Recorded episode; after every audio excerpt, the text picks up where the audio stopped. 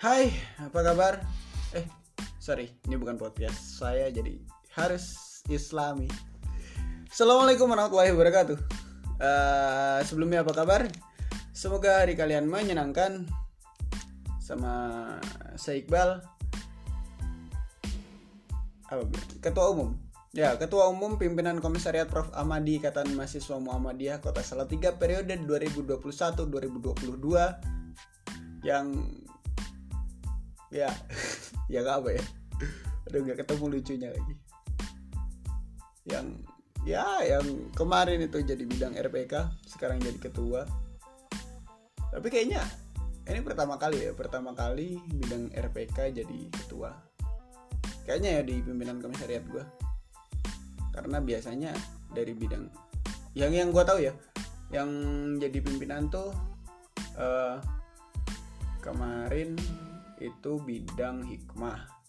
Terus sebelumnya itu bidang tablik. Ya kayak kayaknya ini pertama kali. Dan eh, di episode kali ini gue mau ngebahas filsafat. Ya ya filsafat. Apa itu filsafat dan lain sebagainya? Penting nggak kita belajar filsafat? Ciri-ciri berfilsafat itu apa dan lain sebagainya? Kita buka dengan pertanyaan apa itu filsafat? Kalau kita baca buku kita baca referensi banyak banget yang bilang bahkan mungkin bisa gue bilang 98,7 persen. Itu angka ngasal uh, lebih dari 90 persen uh, referensi mengatakan bahwa filsafat berasal dari bahasa Yunani filosofia yang artinya mencintai kebijaksanaan. Dan sedikit banget yang bilang kalau uh, filsafat adalah ilmu yang paling netral ilmu yang mengajarkan kita untuk bertaruh ilmu yang mengajarkan kita untuk mencari sesuatu yang membuat kita bahagia. Jarang banget ada yang bilang gitu. Mungkin ada beberapa tapi ya menurut kayaknya kayaknya memang karena referensi gue dikit jadi mungkin bisa gue bilang nggak ada yang bilang kayak gitu.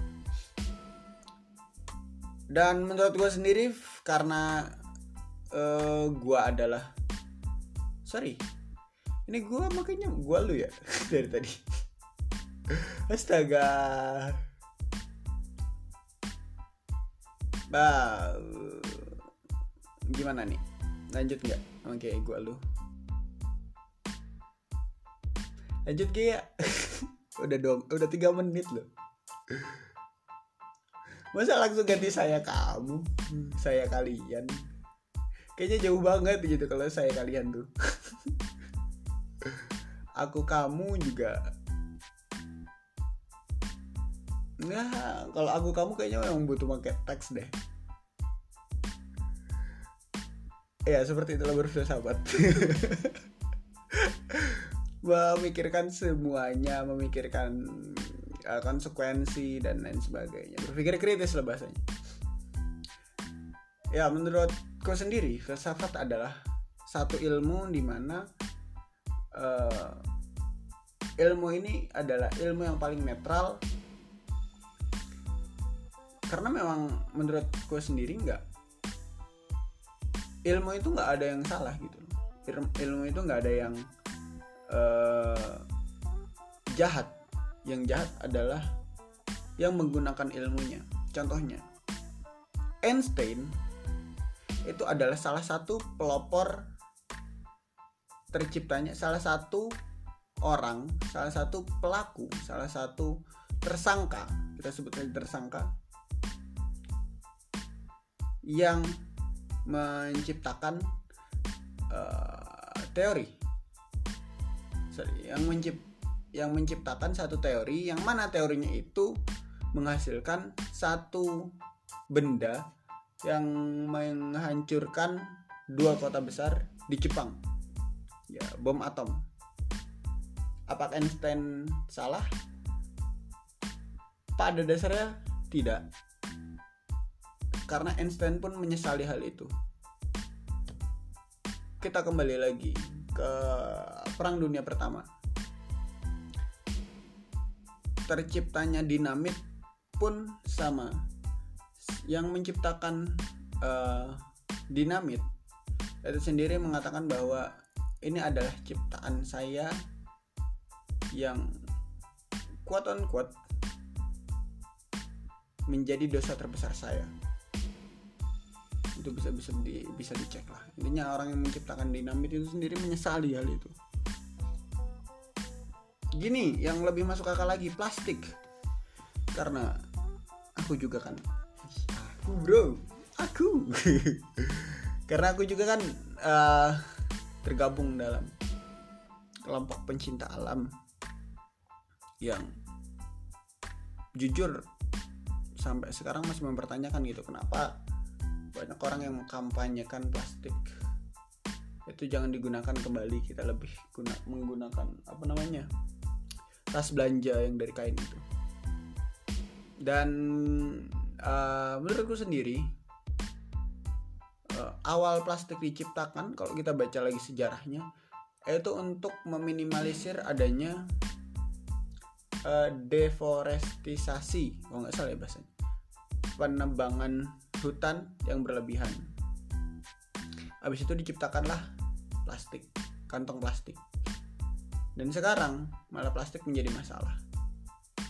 Itu itu kalau kita bicara yang lebih simpel lagi. Kalau kita memang bicara yang mau yang lebih dekat lagi kalau nggak salah plastik itu tahun 59 kalau salah. 59 pokoknya setelah perang dunia 2 kalau nggak salah ya nanti tolong dicek lagi. Agak PR juga kalau kita ngecek uh, di tengah ini. Itu intinya filsafat adalah ilmu yang paling netral yang dia nggak punya kuasa apa pun sampai ada orang yang menggunakannya. Itulah filsafat.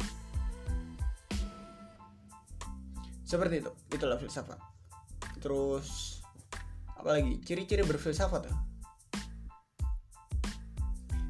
Ciri-ciri berfilsafat pada dasarnya nggak ada sih SOP SOP berfilsafat tuh nggak ada. Sumpah nggak ada.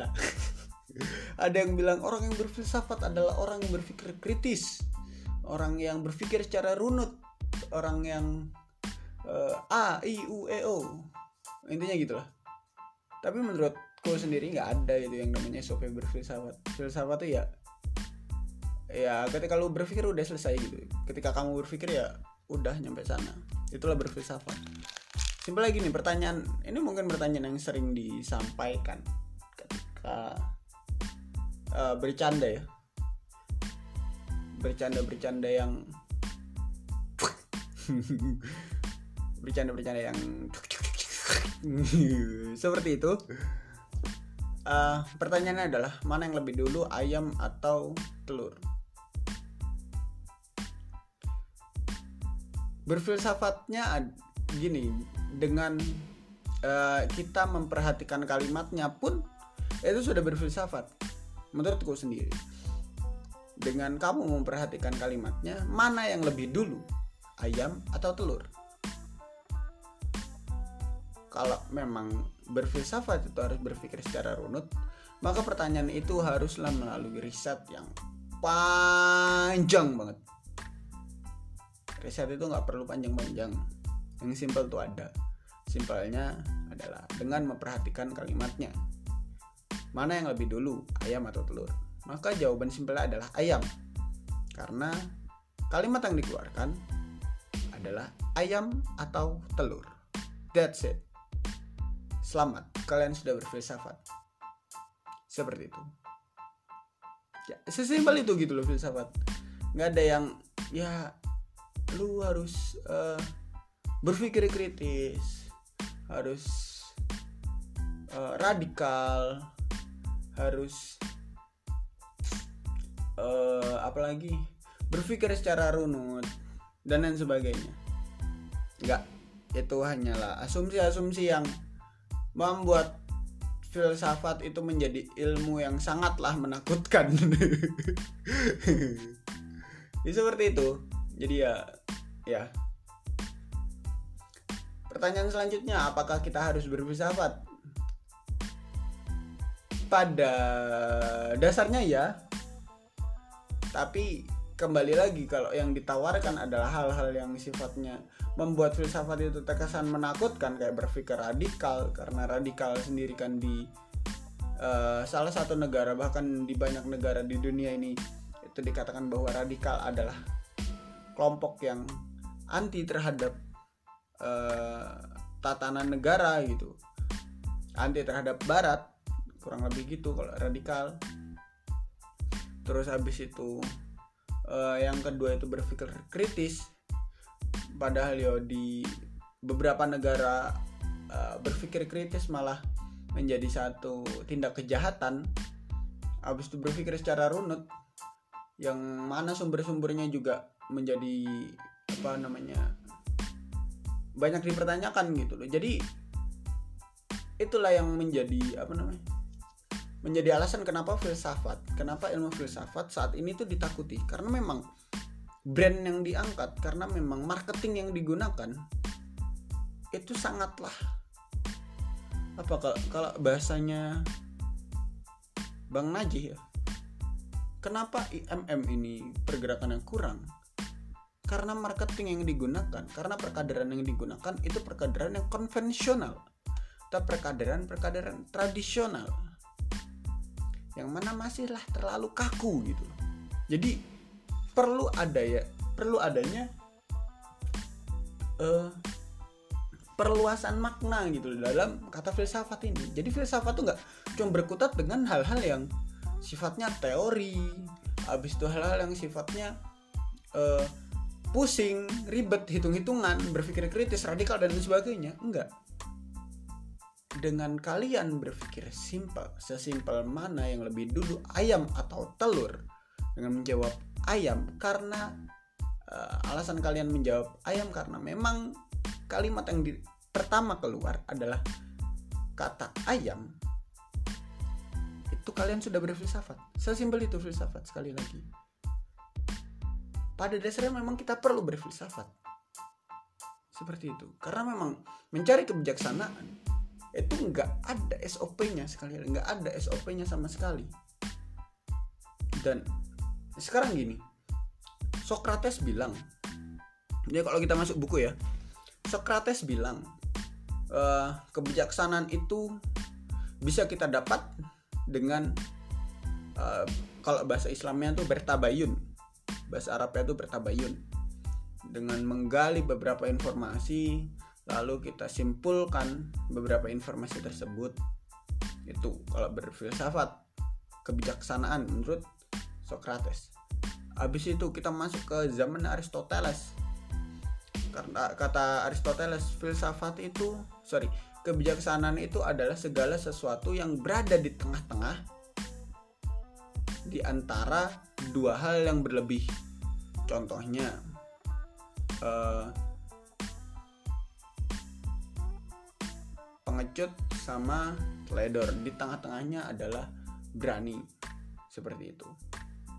Pengecut sama nekat sorry. Pengecut sama nekat. Ya dua hal ini berlebih gitu. Udah berani itu ada di tengah-tengahnya. Berani itu maksudnya dengan penuh perhitungan dengan uh, melihat konsekuensi yang ada melihat peluang yang ada dia berani untuk uh, melakukan sesuatu gitu. Gitu. Habis itu kita masuk ke zamannya zamannya Plato uh, yang dikatakan bahwa uh, kebijaksanaan adalah sesuatu yang ada di alam idea. Karena kebijakan yang kita uh, punya saat ini adalah kebijakan yang semu gitu loh kurang lebih seperti itulah kata Plato. Intinya kalau Plato tuh puyeng lah. Intinya kita nih uh, apa ya bayangan dari satu kebijakan gitu. Intinya di sana. Punya kan? Bahas Plato. Nanti kita bahas Plato. Seperti itu. Jadi uh, gini deh kita balik lagi ke Plato. Kebijaksanaan itu berada di dalam idea. Contohnya ini di salah satu tulisanku juga bilang uh, di sana aku tulis Contohnya itu adalah ketika kita membuat lingkaran. Dalam bayangan kita, lingkaran itu adalah lingkaran itu dalam bayangan kita tuh sangatlah sempurna tapi ketika kita tuangkan belum tentu lingkaran itu sempurna 360 derajat secara sempurna nggak ada bengkok-bengkok nggak ada lonjong-lonjong. Itulah kebijaksanaan menurut Plato. Jadi dalam mencari kebijaksanaan pun banyak gitu loh versinya. Maka dari itu perlu adanya yang namanya perluasan makna dari kebijaksanaan. Seperti itu. Jadi ya ini tinggal membahas soal marketing aja sih. Gue ini ngeri banget ngomongnya tinggal membahas bagaimana teman-teman yang memang belajar ilmu filsafat mempromosikan ilmu filsafat tidak dengan hal-hal yang tradisional gitu loh. Tidak dengan hal-hal yang sifatnya kaku. Seperti itu. Nah dari kekakuan filsafat itu maka akan terpecahkan kenapa filsafat itu kesannya kok puyeng kenapa? Karena pada dasarnya manusia itu dibagi menjadi dua. Yang uh, eksak. Yang menggunakan kalau nggak salah otak kiri ya. Otak kiri itu yang eksak otak kanan yang uh, non eksak gitu. Kurang lebih kurang paham ya, apa kebalik gue nggak tahu. Intinya manusia itu ada yang suka sama ilmu e, alam ada yang suka sama ilmu sosial. Kurang lebih kayak gitu ada yang suka matematika fisika kimia biologi astronomi dan sebagainya. Ada yang suka musik uh, sastra uh, apalagi dan sebagainya. Itu jadi nggak bisa orang yang mungkin bisa tapi pertanyaan besarnya adalah apakah mereka memahami hal tersebut? Kayak orang-orang yang uh, mem mempelajari atau berfokus pada ilmu eksak matematika fisika biologi apakah mereka paham betul bagaimana caranya membuat puisi bagaimana caranya membuat sajak bagaimana caranya membuat lukisan? Belum tentu. Maka dari itu filsafat ini tidaklah pada dasarnya tidaklah semenyeramkan yang dipikirkan gitu. Jadi kesimpulannya adalah ya tadi filsafat itu nggak sebegitu mengerikan dan kegagalan. Bisa dikatakan sebagai kegagalan orang Islam umat muslim saat ini itu karena mereka memikirkan segala sesuatu yang sifatnya tuh eksak. Yang sifatnya tuh konvensional. Yang sifatnya tuh e, tradisional gitu. Nggak nggak ada perkembangannya. Itu yang jadi permasalahan. Dengan memikirkan hal-hal yang sifatnya ya simple nggak bikin pusing bisa diterima oleh banyak masyarakat itu menjadi awal dari perkembangan peradaban Islam itu sendiri nantinya. Ya, karena memang ya nggak nggak bisa kita tutup kemungkinan gitu loh. Segala sesuatu tuh harus diawali dari hal-hal yang terkecil. Huh, kurang lebih 20 menit kita ngobrol. Intinya itu.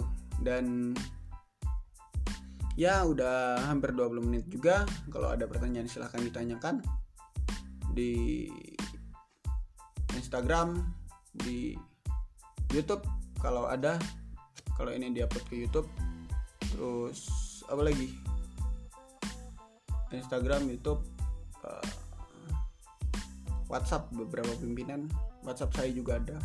Yo kali nggak nyimpen. Gitu dan ya kayaknya segitu aja. Udah 20 menit juga. Sorry kalau panjangan dan sorry kalau muter-muter. Sampai jumpa di episode selanjutnya. Assalamualaikum warahmatullahi wabarakatuh. Bye